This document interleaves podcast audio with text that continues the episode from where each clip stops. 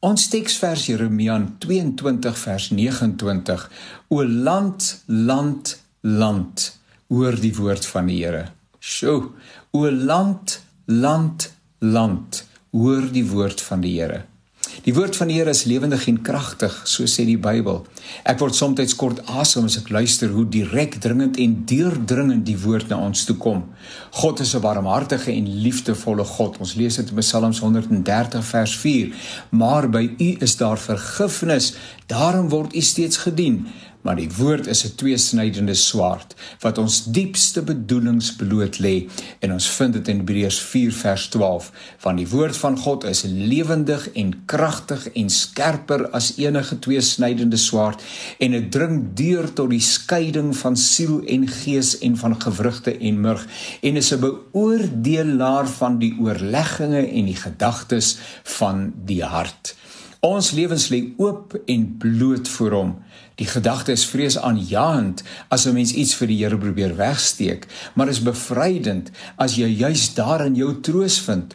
Want hoe vertiel is dit nie om te dink dat jy iets van hom kan verbloem nie. Hy ken ons diepste gedagtes en oortuigings. Psalm 26 vers 2 Toets my Here, keur my, ondersoek my deur en deur.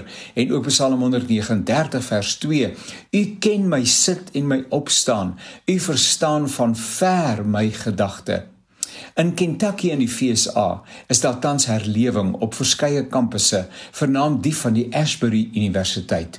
Spontane lofprysing, aanbidding en skuldbelydenis is die merktekens van hierdie Heilige Gees gedrewe herlewing. Dit is reeds sedert 8 Februarie aan die gang en is na my beste na my beste wete steeds besig. Besoekers van oor die hele streek besoek die plek waar die studente in groot getalle besig is en bly besig met aanbidding van die Here. Hulle getuig van die sagte, die woord wat gebruik word is sweet, die soete teenwoordigheid van die Heilige Gees. Met hulle terugkeer, dis nou die besoekers, word die vlam van herlewing na hulle eie gemeenskappe geneem. Ons het herlewing nodig. Dit begin met die kringetjie rondom ons as individue. Ons het nie herlewing nodig ter wille van Suid-Afrika nie, maar ter wille van God se eer.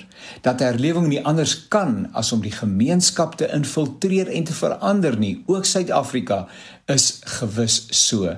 Mag dieselfde vlam wat in Kentucky daar by daardie kampus brand, mag daardie vlam ook by ons aangesteek word.